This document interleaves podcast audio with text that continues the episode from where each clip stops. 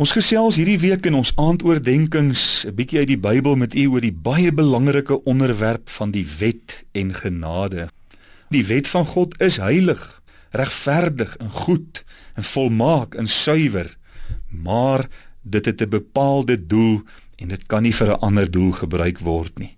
Genade is God se onverdiende guns wat hy deur sy seun, ons Here Jesus Christus, aan sondaars bewys het om hulle uit hulle sonde vry te koop en die ewige lewe te gee.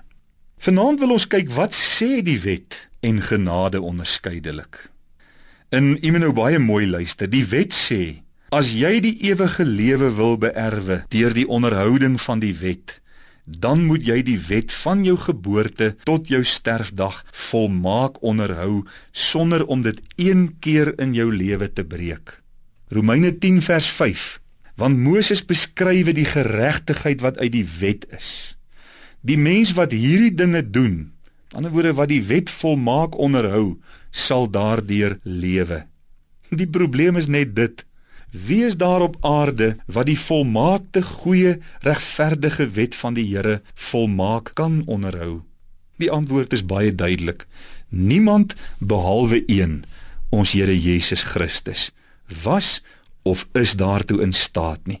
Ons as mens is so algeheel in ons sondigheid vasgevang dat dit onmoontlik is om die wet volmaak te onderhou. Dis hoekom Galasiërs 2 vers 16 die baie belangrike gevolgtrekking maak dat geen mens geregverdig kan word, vrygespreek kan word deur die onderhouding van die wet nie. Genade sê egter, wie ook al die woord van die Here hoor en in Jesus Christus glo, het die ewige lewe en kom nie in die oordeel nie. Johannes 5 vers 24.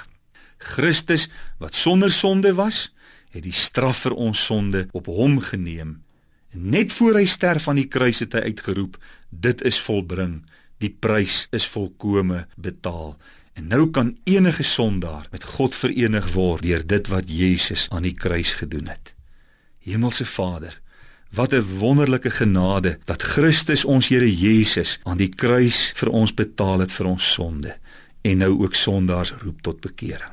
Amen.